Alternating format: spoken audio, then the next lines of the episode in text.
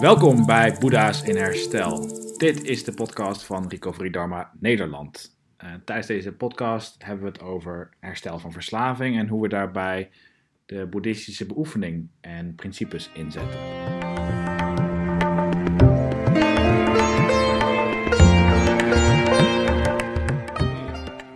Welkom bij een nieuwe podcast van Boeddha's in Herstel. Uh, ik zit hier met Sabrina en Rogier op zondagmiddag 11 december. Leuk dat je luistert. Ik weet eigenlijk niet precies uit mijn hoofd hoeveelste aflevering het is. Maar uh, volgens mij de tiende, elfde? Volgens mij wel meer, maar de veelste aflevering. Ja, ja nou ja.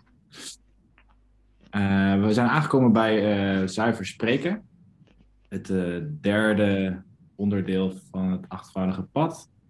En in de vorige afleveringen heb je uh, kunnen horen over zuiver begrip en zuiver intentie. Nu gaan we het hebben over zuiver spreken. Um, in de lezing voorafgaand aan deze podcast heeft Sabrina al voorgelezen uit het Recovery Dharma boek. Dus als je uh, de lezing uit het Recovery Dharma boek wil horen, kun je naar die aflevering luisteren. En vandaag gaan we het vooral hebben over uh, ja, wat het voor ons betekent, zuiver spreken. En um, ja, dat doen we met z'n drieën. Misschien leuk om even kort in te checken. En ook wel fijn. Um, wil jij beginnen, Rogier? Oh, jawel, natuurlijk. Echt, uh, jazeker. Uh, check-in. Hoe voel ik mij op dit moment? Uh, ja, wel vrolijk. Ik heb, er, uh, ik heb er wel weer zin in. Ook wel een beetje zenuwachtig, omdat voor mij dit een van de ingewikkeldste hoofdstukken is van, uh, van, uh, van het boek, van, van, het, ook van het achtvoudig pad. Ik vind het echt ingewikkeld. Ik vond vergeving vond ik heel zwaar, maar dit vind ik ja, heel erg ingewikkeld. En ja, er kan dus heel veel gezegd worden. En ik vind het ook leuk om heel veel te zeggen hierover. Uh, ik weet niet of het allemaal even zuiver spreken is, maar we gaan het gewoon zien. Uh, en horen vooral. Uh, maar dat betekent dus ook dat ik er zin in heb. Dankjewel. Ja, en we hebben een nieuwe, nieuwe gast tijdens deze podcast. Sabrina, welkom.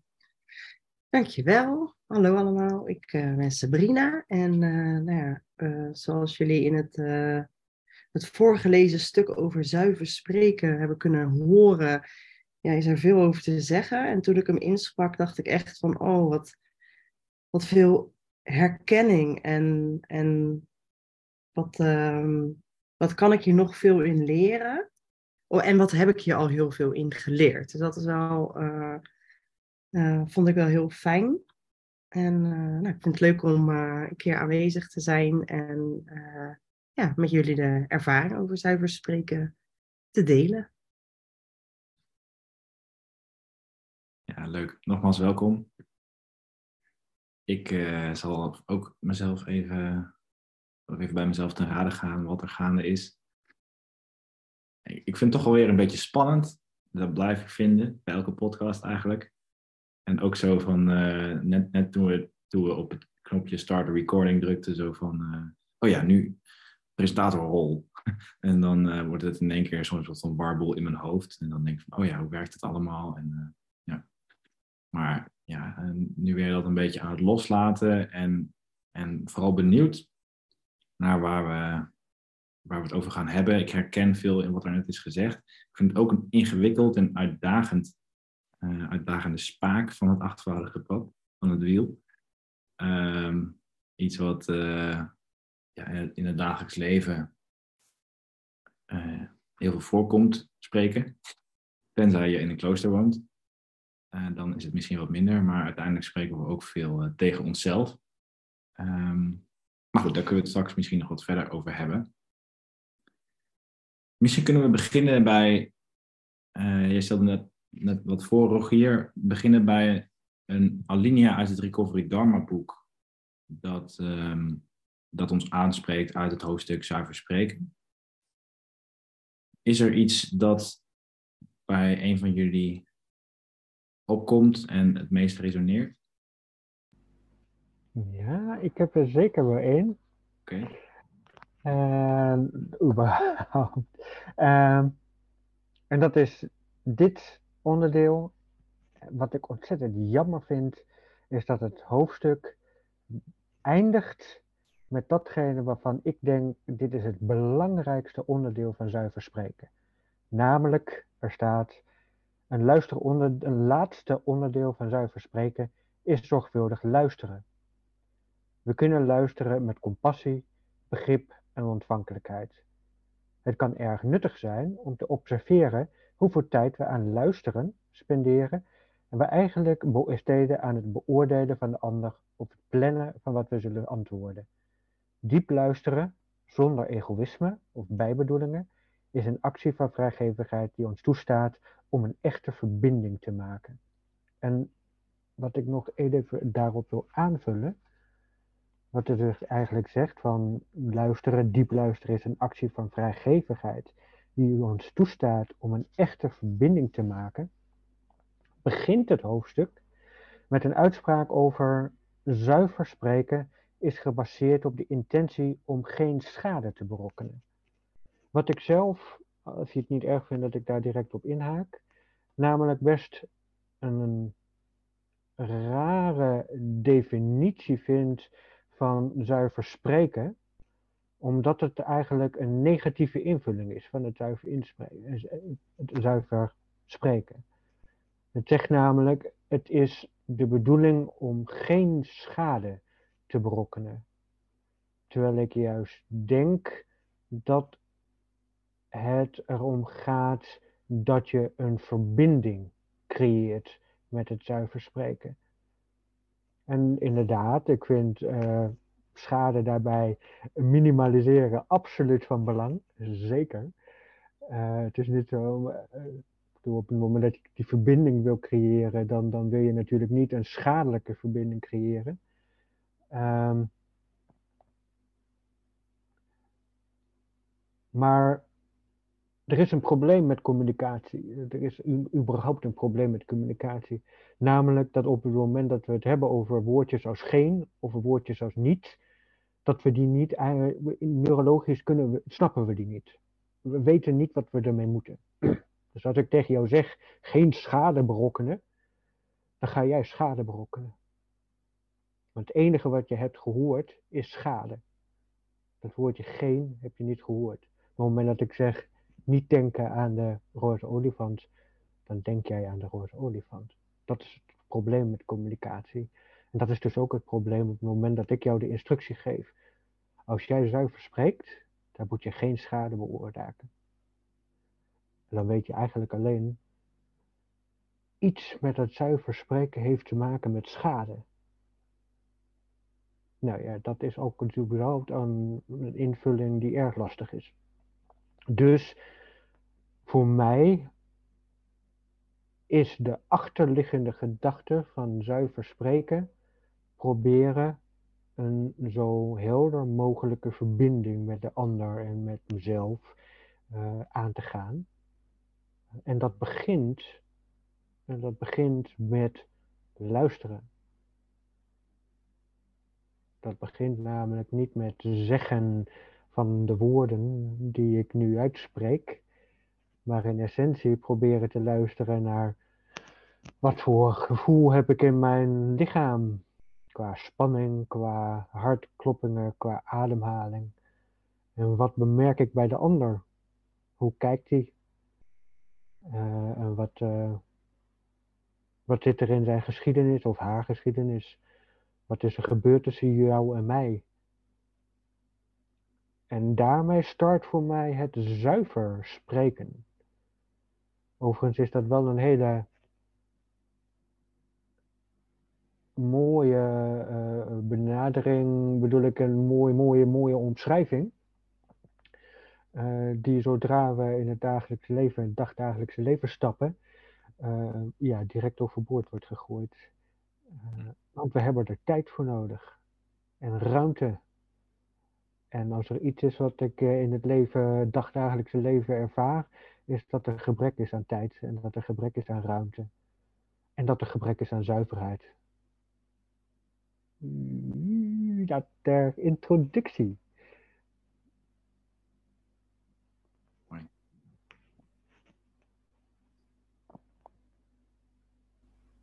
Mooi is uh, hoe je begon over de laatste alinea. Dat uh, zuiver uh, spreken niet alleen over het uiten gaat, hè? Zowel met stem als online en wat er allemaal gebeurt, hoe er op elkaar gereageerd wordt. Maar ook dat het gaat om zorgvuldig luisteren. En ik merkte op dat ik tijdens dat jij sprak over jouw idee over zuiver spreken. Ik aan het begin heel erg aandachtig luisterde. En op een gegeven moment dacht ik, oh ja, ik moet straks ook nog wat vertellen over een alinea. En dan ga ik me aftellen welke alinea moet, ga ik het over hebben. En denk ik, ja, ik ben niet meer zuiver aan het luisteren. het gaat zo snel.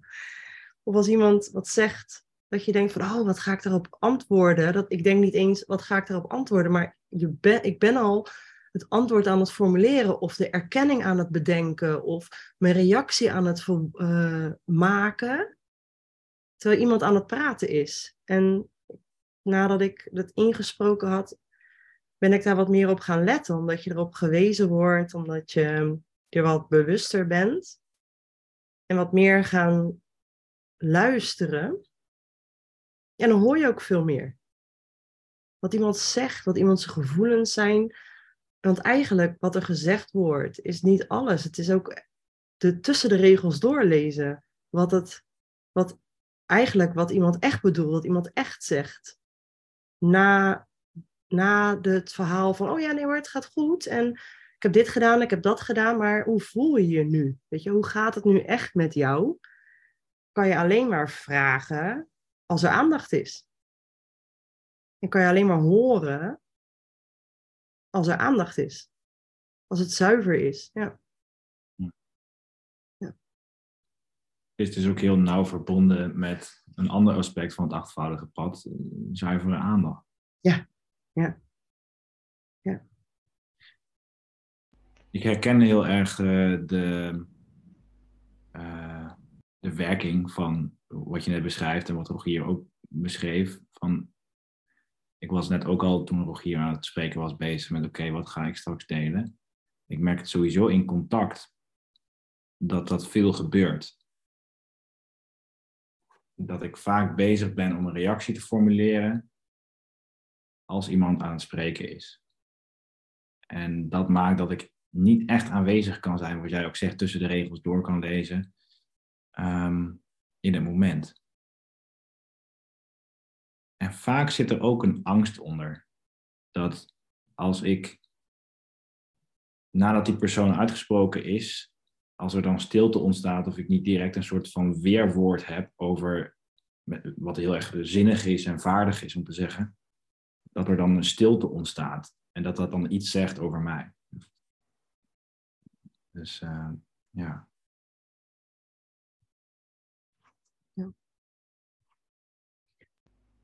Of ik, uh, ik herken inderdaad dat, dat stukje, wat, wat mooi dat je zegt, dat er een stilte valt en dat dat iets zegt over jou. Dat vind ik sowieso iets heel moois, wat je zegt. Wat ik ook denk bij het zuiver spreken, jij wees zo net heel erg mooi op het feit dat uh, dat onderdeel van zuiver spreken ook om, uh, het, het besteden, het, het oefenen van aandacht is. Het, uh, het, uh, ik denk sowieso dat als we het hebben over zuiver spreken en wat het voor mij een van de onderdelen waarom zuiver spreken zo ingewikkeld is, is dat als we het hebben over dat achtvoudige pad, overigens geldt dat voor elk onderdeel trouwens hoor, maar hier bij uitstek, als we het hebben over zuiver spreken, uh, derde onderdeel van het achtvoudige pad, dan begint zuiver spreken precies met het element ervoor, namelijk de zuivere begrip en de zuivere intentie. En het eindigt in zekere zin met wat volgt, namelijk die concentratiegroep, namelijk de zuivere inspanning, zuivere aandacht, zuivere concentratie. Uh, wat, ik, wat ik ontzettend mooi vind namelijk, ook is als we het hebben over onze, onze beoefening in, in ons boek, dan lezen we op een gegeven moment ook uh, dat uh, nadat we de vier nobele waarheden hebben besproken, dan lezen we de Boeddha onderwees dat we het lijden dat wordt veroorzaakt door verzet tegen, vluchten en miskenning van de realiteit kunnen beëindigen. Dit kan door ethisch te leven, door meditatie te beoefenen en door wijsheid en compassie te ontwikkelen. Die zin, die laatste zin, is ontzettend sterk, ontdekte ik toen, uh, toen ik dit een beetje aan het voorbereiden was. Omdat als we het hebben over dat ethisch leven, dat begint, dat ethische leven begint met zuiver spreken, en het zuiver handelen en zuiver levensonderhoud. Dat is een groep in onze beoefening, dat is een groep in dat achtvoudige pad. Als we het hebben over het ethische leven, dan zijn daar dus al um, voor gegeven dingen. Van hoe kunnen we dan ethisch leven? Want ik vond het toen ik het voor de eerste keer hoorde, vond ik het best vaag. Ethisch leven, ja, een beetje goed leven, oké, dat klinkt oké. Maar waar bestaat het nou uit? Nou, het bestaat hieruit en het begint hiermee. De ethiek begint met hoe gaan we zuiver spreken. En daarmee brengen we onze eigen ethiek al in beweging. Alleen, dat staat niet op zichzelf. Die ethiek, dat goede leven, dat zetten we in beweging door die stappen daarvoor. Namelijk alvast van tevoren te weten, wat willen we eigenlijk, wat is onze intentie met wat we gaan zeggen? En wat willen we eigenlijk zeggen, zuiver begrip? Toevallig waren we er vanochtend volgens mij bij de meditatie mee bezig. Over uh, dat we iets in beweging willen zetten. Namelijk dat zuiver spreken. En hoe doen we dat? We doen het eigenlijk door onze inspanningen even los te laten. En gewoon even te kijken naar wat is er eigenlijk hier aan de gang.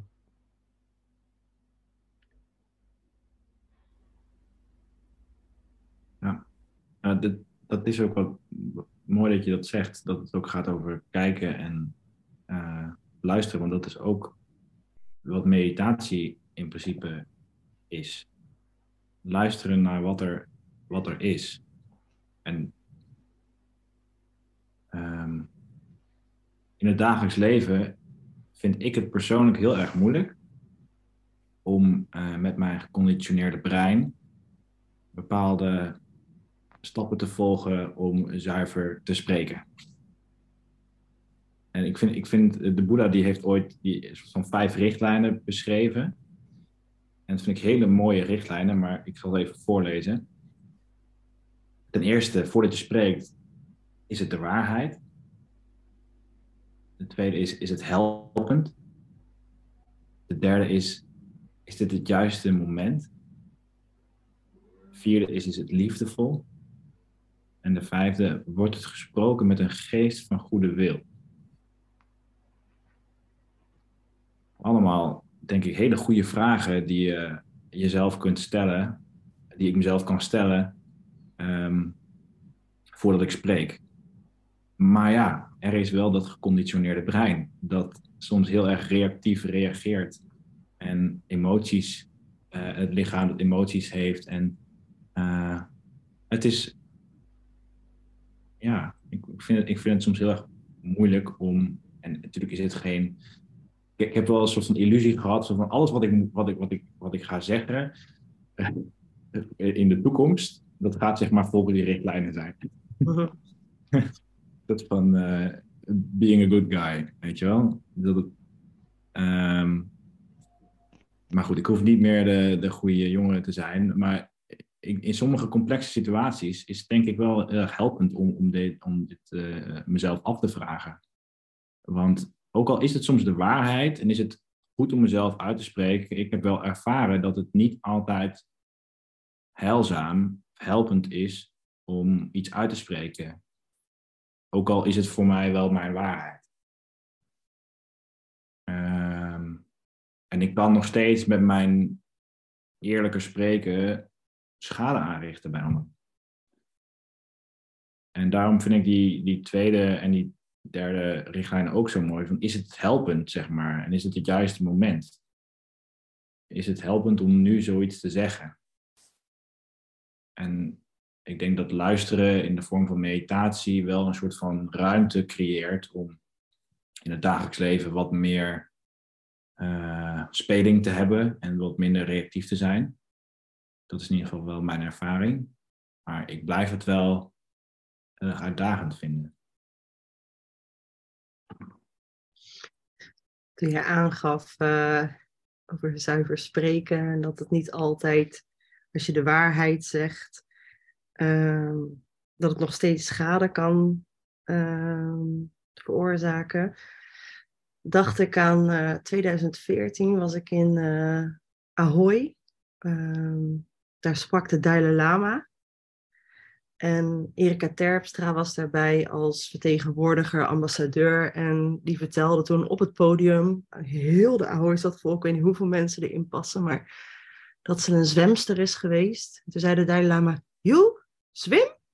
You're, you have too, too much flesh on your bones to swim. en toen dacht ik echt zo. Ja, het is wel de waarheid, hè? Ze, is, ze fors, maar um, is het nou. Maar hij zei het ook heel liefdevol en met een glimlach. En, en ze kon het echt hebben en het paste in het moment. Maar hij was wel pittig. Hij raakte wel zo'n zo'n zo'n vlak dat je denkt van zo, oké. je zegt niet zo snel tegen iemand dat hij te veel vlees op zijn botten heeft. Ander woordje, ben dik. Ja, nee. Het is echt wel uh, hoe je het dan ook inpakt of hoe je het dan ook, uh, hoe liefdevol je het dan ook uitspreekt woorden kunnen wel, um, kunnen wel wat doen met, uh, met, met degene die het ontvangt. En dan ben je natuurlijk ook wel weer de ontvanger. Hoe, hoe ontvang je de waarheid? Hoe ontvang je de toon? Want ik kan het misschien proberen lief te zeggen, maar iemand ervaart het misschien niet als liefdevol. Of omdat je naar woorden zoekend bent, omdat je het niet kwetsend wil zeggen, komt het weer ja, rot uit mijn strot zo. Uh, dat, dat, dat, ja. En ik heb daar vroeger wel echt wel um, over de alinea zuiver spreken, gaat ook over de toon die we gebruiken als we praten. Um, ik zei heel makkelijk altijd alles wat er op mijn hart lag of soms ook wel wat te makkelijk, waardoor ik ook wel mensen heb gekwetst. En um, ik ben, ben ook wel, kan makkelijk een discussie aangaan of ergens over discussiëren. Dat als snel iemand het gevoel heeft dat ik, in de over, dat ik iemand wil overtuigen in plaats van het er als, als een partner over wil hebben. En omdat je ook wel, omdat ik wel makkelijk mijn woorden kan, nou nu misschien even niet, maar al in een discussie makkelijk mijn woorden kan vinden en um, vaardig, ja, veel, veel, veel, kan, veel woorden kan vinden snel, dat iemand ook wel eens ondergesneeld voelt. En dan denk ik, oh ja, weet je, ik moet echt wel een stapje terug doen als we gelijkwaardigheid willen vinden, als we echt over dit onderwerp willen hebben, als we samen um, hierover willen praten, gaat het om uh, uh, actie, reactie, maar ook luisteren en toegeven. En, ja, en, en dus echt wel uitkomen op die verbinding. Als er verbinding is, echte verbinding, zuivere verbinding, dan lukt het spreken voor mij makkelijker. En als ik afstand ervaar of als er afstand is, dan kunnen de woorden ook makkelijker onzuiver worden voor mij.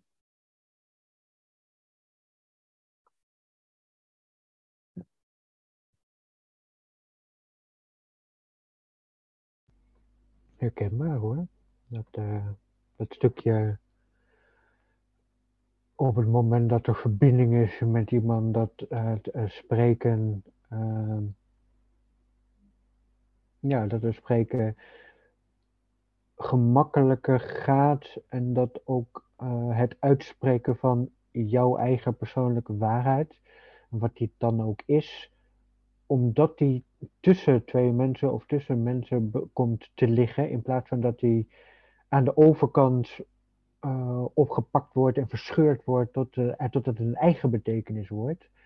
Uh, ja, dat, dat, dat, dat maakt inderdaad dat op het moment dat ik die warmte en die verbinding ervaar, dat het spreken gemakkelijker gaat. En op het moment dat ik me heel erg bewust word of bewust ben van het feit dat er geen verbinding is, en dat dus met mijn woorden aan de haal gegaan gaat worden, ja, dan wordt het spreken voor mij erg, erg lastig.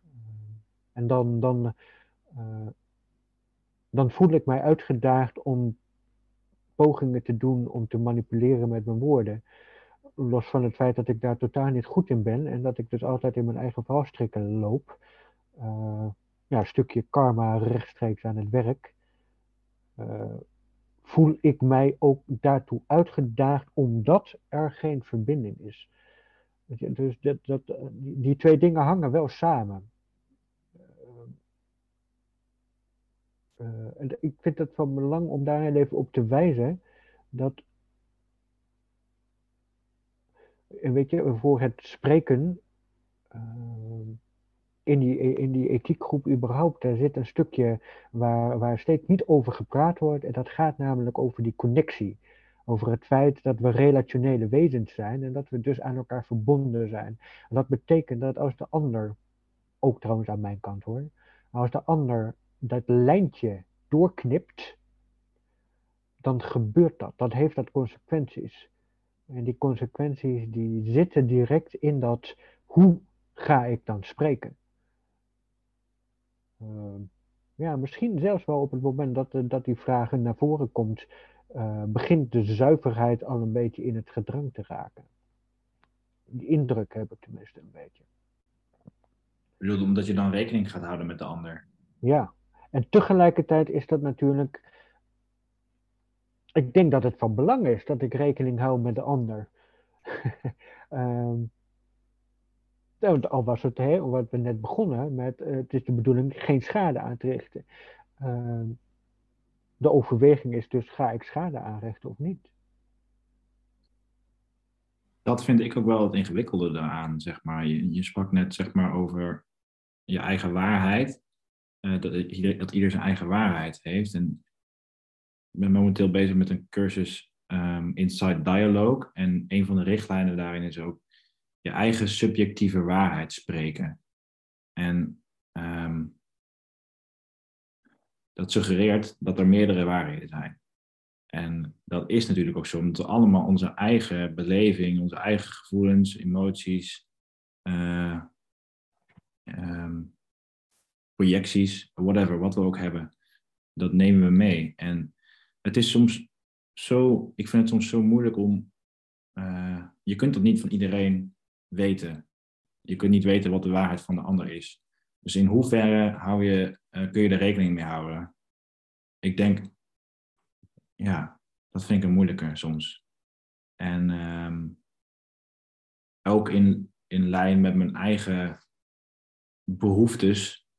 Uh, van van wat, wat doe ik, wat zeg ik en wat, uh, uh, ja, hoe, in hoeverre hou ik rekening en ben ik verantwoordelijk ook voor de ander.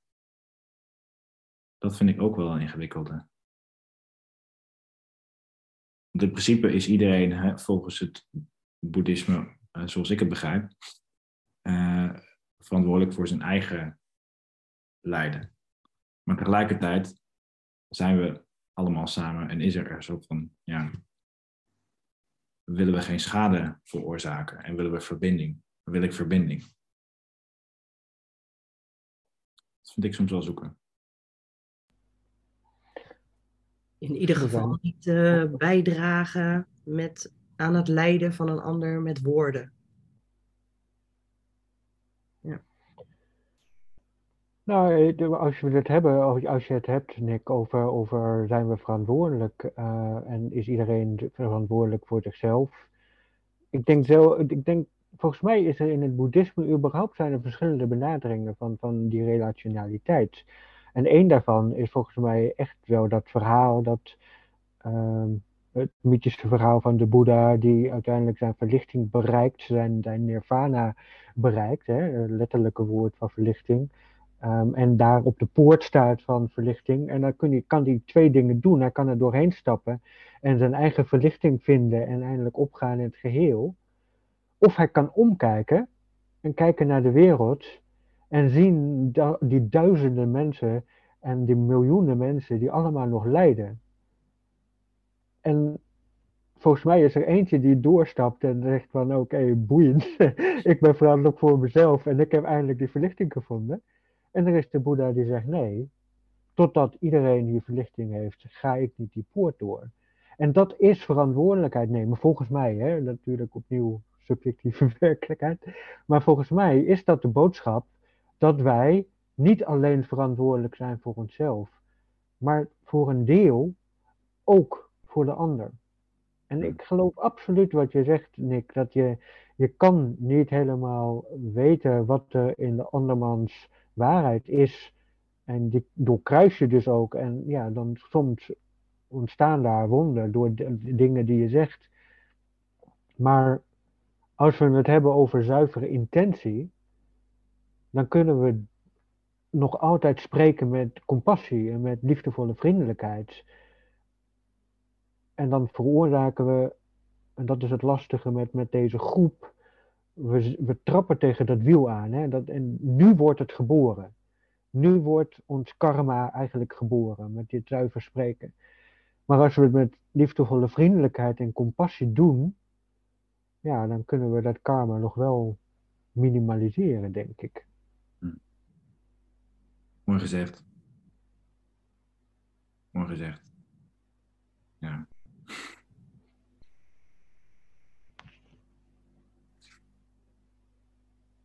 Ik uh, hoorde ook, ik was, was naar een uh, Dharma talk aan het luisteren van, um, ja, ik weet eigenlijk niet meer van wie.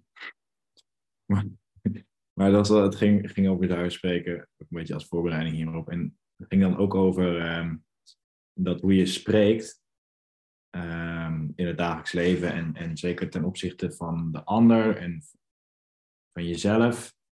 Uh, dat dat ook invloed heeft op hoe je, tegen, hoe je tegen jezelf spreekt, over je eigen inner chatter.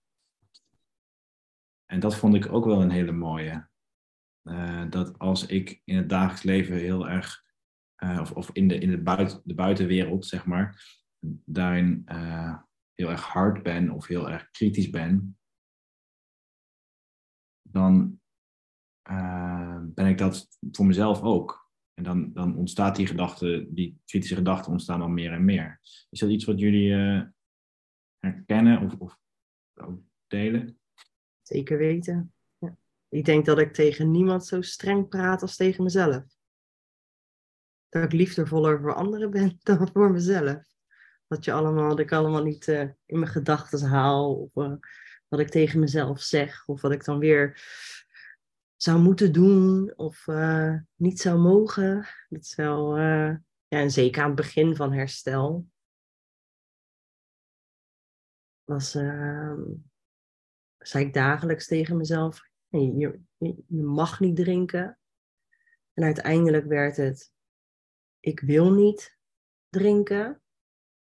En uiteindelijk was het, ik voel me zo fijn dat ik niet meer drink. En ik werd daar steeds milder in. En dat is wel. In herstel was ik heel hard. En in, in verslaving was ik heel hard. En, en, en naar mezelf, naar anderen. En, ik, en in herstel ja, steeds zachter. Dus dat is wel het achtvoudige pad.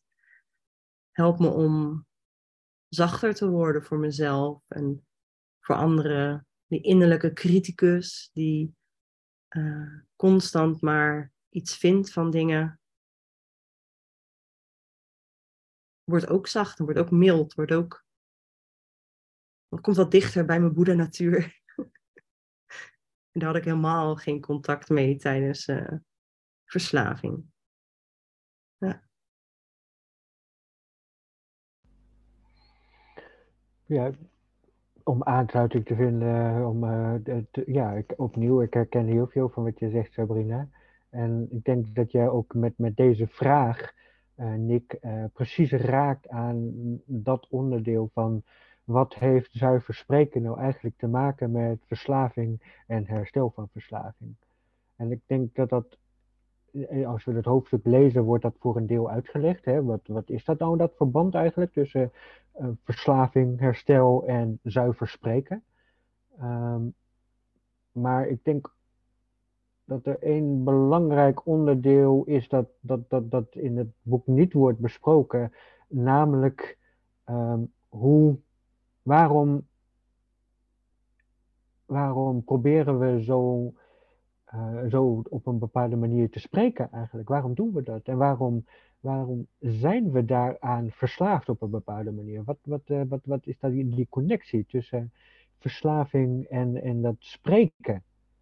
Um, en vooral, waarom is het goed om je bezig te houden met zuiver spreken als je bezig bent met herstel? En dat heeft alles te maken, denk ik, met de manier waarop wij met onszelf praten. Als we het hebben over dat zuiver spreken en hoe, uh, hoe ik tegen mezelf praat, dan is dat in de basis, zoals ik het voor mezelf heb geleerd, uh, is dat heel vernederend. Is dat heel kwetsend. Is dat heel streng. Um, is dat heel kwaad.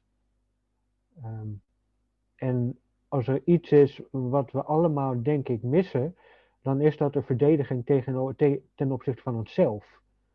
Ik bedoel, los van de wereld, die onszelf al heel veel pijn doet, is er één ding waar we ons nauwelijks tegen kunnen beschermen. En dat zijn wij zelf. Um, ik denk, en dat, dat, dat, ja, ik weet niet of dat, hoe dat klinkt voor anderen, maar ik ben nu 2,5 jaar in, in, in herstel.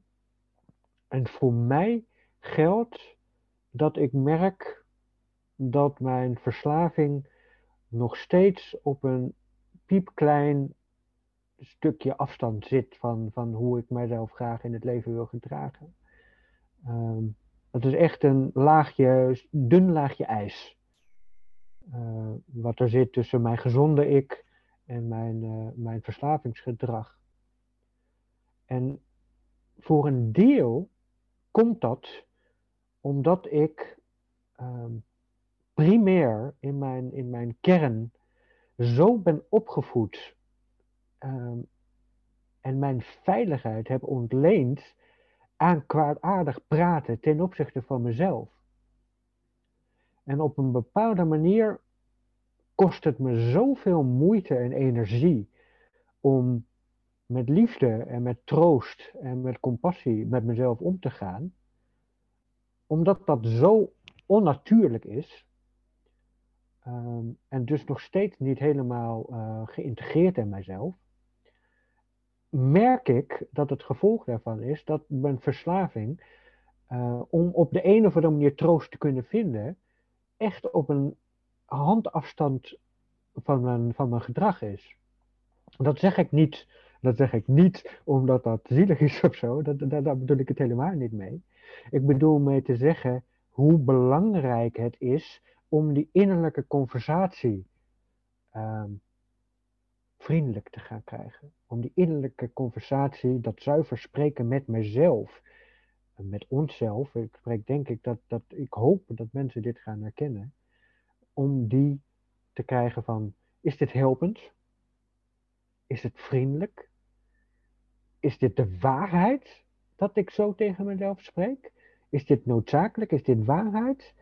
En um, ja, overigens ook nog eens een keer, is het het juiste moment? Want een bepaalde strengheid is soms ook wel nodig om een beetje, een beetje, een beetje door het leven te gaan. Hè? Want ik moet toch ook wel durven op te staan en op de fiets te stappen om naar mijn werk te gaan. Dus een beetje discipline is op zijn plaats. Maar moet dit nu, als ik s'avonds thuis kom en moe ben, moet ik dan nog steeds op mezelf intimmeren? Is dit het juiste moment? dat zuivere spreken met mijzelf, als ik dat niet op orde krijg, dan blijft dat reflex van willen wegvluchten in ander soort gedrag, en dat is onherroepelijk volgens mij verslavingsgedrag, uh, dat, ja, dat, dit is naast, ja, nauw aan elkaar verbonden. Ik hoop dat jullie een beetje begrijpen wat ik aan het zeggen was. Absoluut. Nou, nope. Zeg het nog eens.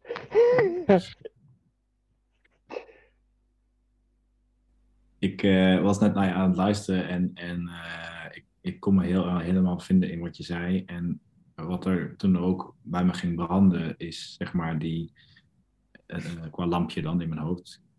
Ik moet even uitleggen voor de luisteraars. is dat die afwijzende, kritische gedachten die ik ervoor tijdens mijn verslaving, of in ieder geval toen ik nog veel in gebruik was, dat die zeg maar als ehm, als motor, of als, als, als, uh, als olie waren voor de motor, zeg maar, om die verslaving ook gaande te houden. Ik wilde ook graag dat die gedachten, die kritische gedachten, stopten. En mijn verslavingsgedrag was een heel goed middel om hè, wat, wat uh, milder te gaan kijken. een, een tijdje, het heeft niet heel lang geduurd. Um, dat ik erachter kwam dat het, dat, het, dat het uiteindelijk niet hielp omdat de kritische stem en, en de, de, de zelfafwijzing er nog steeds waren als ik niet uh, in, uh, in mijn middel, mijn middel bezig was. En um, die, die inner connection, de, de, de, zeg maar, hoe ik tegen mezelf spreek. Ik vond dat je dat net heel mooi uh, uitlegde, Rogier. Dat daar, daar die vriendelijkheid, die mildheid, die is, is echt nodig om uh, om goed voor mezelf te zorgen. Ik, je sprak net ook over discipline, even kort. En afgelopen weken merkte ik dat ik bijvoorbeeld, als we het toch over de discipline hebben, dat ik in de ochtend wat minder uh, uh, mijn beoefening had, zeg maar. Dus ik, ging, ik, ik, vond het moeilijker om mijn bed uit te komen en ik, ik sloot minder vaak aan bij de ochtendmeditaties. En ik merkte dat ik daar wat kritisch over was in mijn geest. En dat sprak ik ook uit naar anderen, want ik dacht dat is goed uh, om het uit te spreken. En, en, toen zei ik tegen anderen, nou ja, uh, het gaat best goed, maar ik heb, uh, ik heb gewoon niet zoveel discipline. En wat ik daarmee zeg, is dat ik, dat ik dus niet zoveel discipline heb. Dat wordt dan een soort van waarheid in mijn hoofd. Dus Nick als persoon heeft geen discipline. Dat, dat wordt er dan gezegd, zeg maar. En ik, dat, dat ga ik dan geloven. Dat versterkt heel erg een soort van die overtuiging. Terwijl ik op heel veel andere vlakken wel discipline heb. Want ik ben al langere tijd abstinent en eh, ik drink nu een maand geen koffie. Vrijdag mag ik weer. Jee. Maar dat even terzijde. Um, dus ja, het, is maar gewoon de waarheid die ik creëer met mijn gedachten in mijn hoofd. Is, is uh, zo belangrijk hoe ik tegen mezelf spreek. Um, ja, veel herkenning wel. Ja, en dat is dan ook weer wat uh, Rogier aan het begin zei. Als ze zeggen, mogen geen schade, hè, ik heb geen discipline. De, de woorden die je, de, hoe je het formuleert naar jezelf, uh, daar ga je in geloven. Dat is echt, uh, dus hoe milder en liefdevoller je met jezelf praat, hoe milder en liefdevoller je ook over jezelf denkt. Want we doen uiteindelijk allemaal ons best. Uh, en zeker in herstel werk je aan jezelf en, en, en ben je zoekende naar ja, je, ja, ben je zoekende, dat is eigenlijk. naar het, het, het, nieuwe, naar de, minder kritisch, minder verdoven, minder vermijden, minder. En, en, en juist naar, die, naar, naar verbinding. Hè? Niet meer alleen zijn, maar je verbonden voelen met alles en iedereen. En, en om, je om je verbonden te voelen, is een heel mooie, mooie weg om dat verbaal, hè, die connectie aan te gaan door zuiver te spreken, door zuiver te luisteren en daardoor die verbinding te voeden.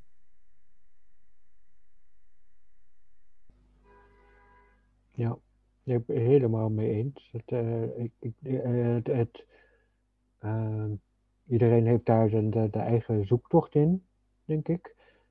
Want voor iedereen is die verbinding, eh, hoewel er denk ik wel een soort van kernelement in zit, maar voor iedereen is die verbinding anders. Voor iedereen is die verbinding met de ander, maar ook met zichzelf, waar we het net eigenlijk over hadden, als basis. Want wat is dan die verbinding met jezelf? En ehm, ik denk dat het van, eh, van, van belang is om ehm, voor iedereen om zichzelf te realiseren dat het ehm, soms gewoon echt moeilijk kan zijn om die verbinding met jezelf te vinden. Ja. Uh, soms omdat, uh, ja, omdat de wortels ontbreken, uh, altijd ontbroken hebben. En,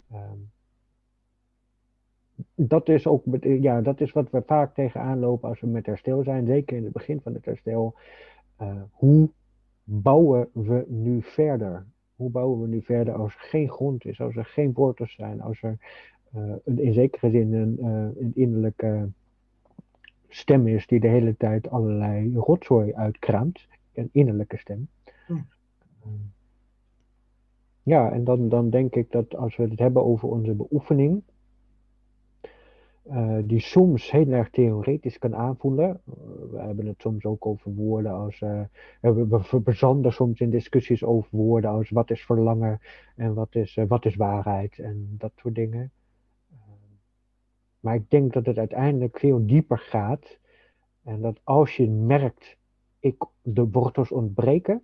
Zoals ik voor mezelf, ik merk vaak dat mijn wortels ontbreken.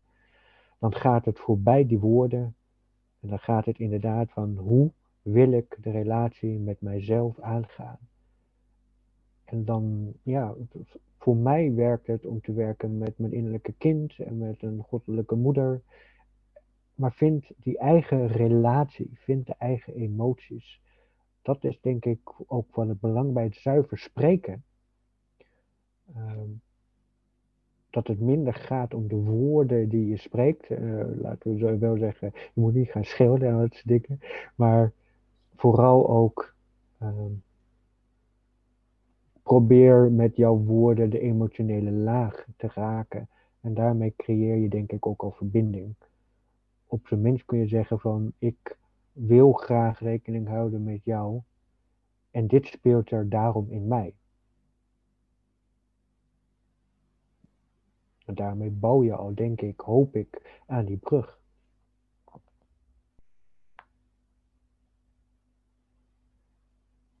Zeker. Mooi, mooi gesproken. En wat ik ook wel heel fijn vind, en zeker omdat er uh, hopelijk luisteraars uh, uh, zich in herkennen, je hoeft het niet alleen te doen. Er is hulp, er is connectie, er is er zijn er zoveel meer die.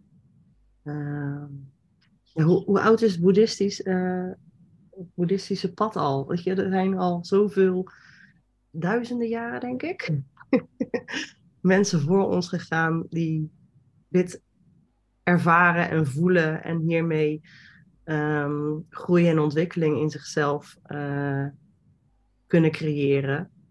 Dus het is ook zo tijdloos en ja, je bent, een, je bent niet alleen. Ja.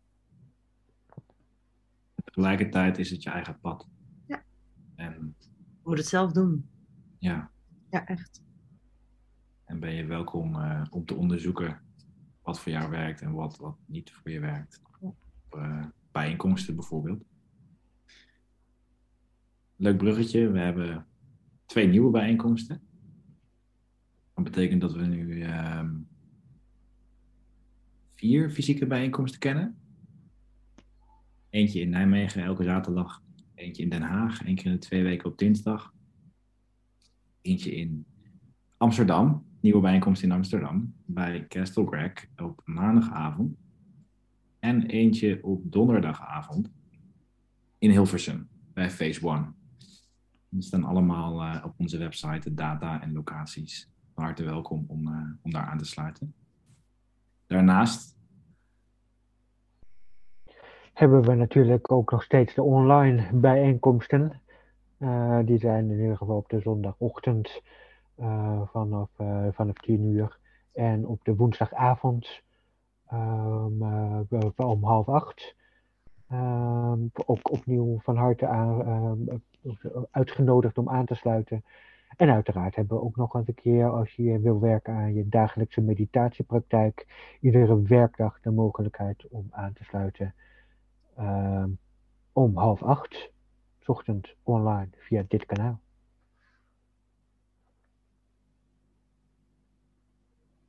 Mooi. En um, dat is ook leuk, want jullie luisteraars zijn ook gewoon onderdeel van, van onze Sangha. Uh, we organiseren in uh, januari en februari twee uh, meditatiedagen. januari doen we dat in Amsterdam in het Zen-centrum, 15 januari. Dat is een, een, een, dag die veel gaat over zuiver spreken en zuiver luisteren. Vandaag gaan we met z'n allen Insight Dialogue beoefenen. Een hele mooie meditatiebeoefening in dialoog. Dus je bent van harte welkom om aan te sluiten. Ik weet alleen niet of het al op de, staat op de website in ieder geval wel op de Instagram. Het staat, uh, de, de meditatiedag staat ook op de website. Op de website, oké. Ja. Dus daar kun je je ook voor aanmelden. En in februari komt er ook een meditatiedag, maar daar zullen we later nog wel een uh, aankondiging voor doen. Mooi, mooie groei. Ja. Nou, ik wil jullie allebei heel erg bedanken voor, uh, voor het samenkomen hier en in kwetsbaarheid en openheid en uh, eerlijkheid delen deze middag. Graag gedaan, het was weer, uh, was weer mooi. Ja, zeker. Dankjewel voor je aanwezigheid ook, Sabrina. Leuk dat je aansluit. Ja, ik vond het heel mooi om uh, fijn met jullie uh, over hierover te spreken. Mooie woorden en uh, gedachten je bewustwording. Ja, heel mooi. Ja, dankjewel. Mag ik jou vragen om uh, deze podcast af te sluiten met de wens tot verlichting? Ja, dan moet ik hem even opzoeken. Ik ken hem niet uit mijn hoofd. Wacht, ik denk dat ik hem, uh, online, uh, dat ik hem online zo te pakken heb. Want anders moet ik al die blaadjes gaan hier heb ik het boek. Ik heb het uh, Recovery Dharma boek als pdf van de website kunnen downloaden. En uh, daarin uh, staat wens tot verlichting op bladzijde 103. Voor als mensen het boek willen lezen. En hij is ook te bestellen. Heb je hem mooi in boekvorm. Even kijken hoor. Nou, pagina 103. De wens tot verlichting. Verbinding ontstaat niet op een specifieke plek, maar in de openheid en warmte van ons wezen. Als deze ruimte gevuld is met wijsheid, respect en liefde, noemen we dit Sangha. We hopen dat de pijn van verslaving, trauma en isolement ons terugleidt tot ons hart, zodat we compassie, wijsheid en verandering nog veel beter begrijpen. Zoals we geleerd hebben tijdens onze beoefening, wordt onze goedheid niet vervaagd door diep lijden, maar maakt het ons hiervan bewust. Mogen we onze beoefening zo goed mogelijk inzetten en mogen we de vrijheid die hieruit voortkomt met alle wezens delen. Mogen we dit een middel en een voorwaarde zijn voor minder lijden en meer veiligheid in deze wereld.